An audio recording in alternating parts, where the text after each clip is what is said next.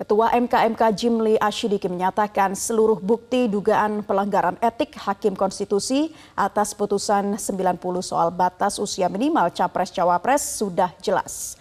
Jimli menyebut pihaknya kini hanya tinggal meminta jawaban Ketua MK Anwar Usman atas seluruh tuntutan yang dialamatkan padanya sebelum merumuskan putusan yang akan diumumkan pada 7 November mendatang.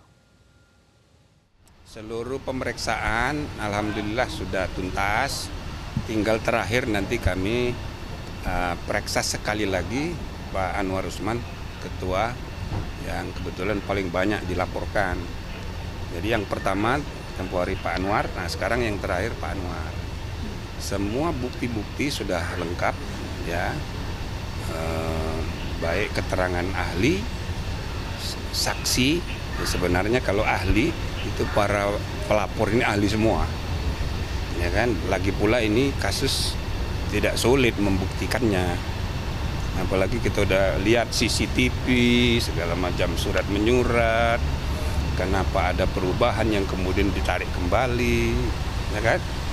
Kenapa ada apa namanya kisruh internal beda pendapat kok sampai keluar kok informasi rahasia kok udah pada tahu semua itu berarti ini membuktikan ada masalah. Jelajahi cara baru mendapatkan informasi. Download Metro TV Extend sekarang.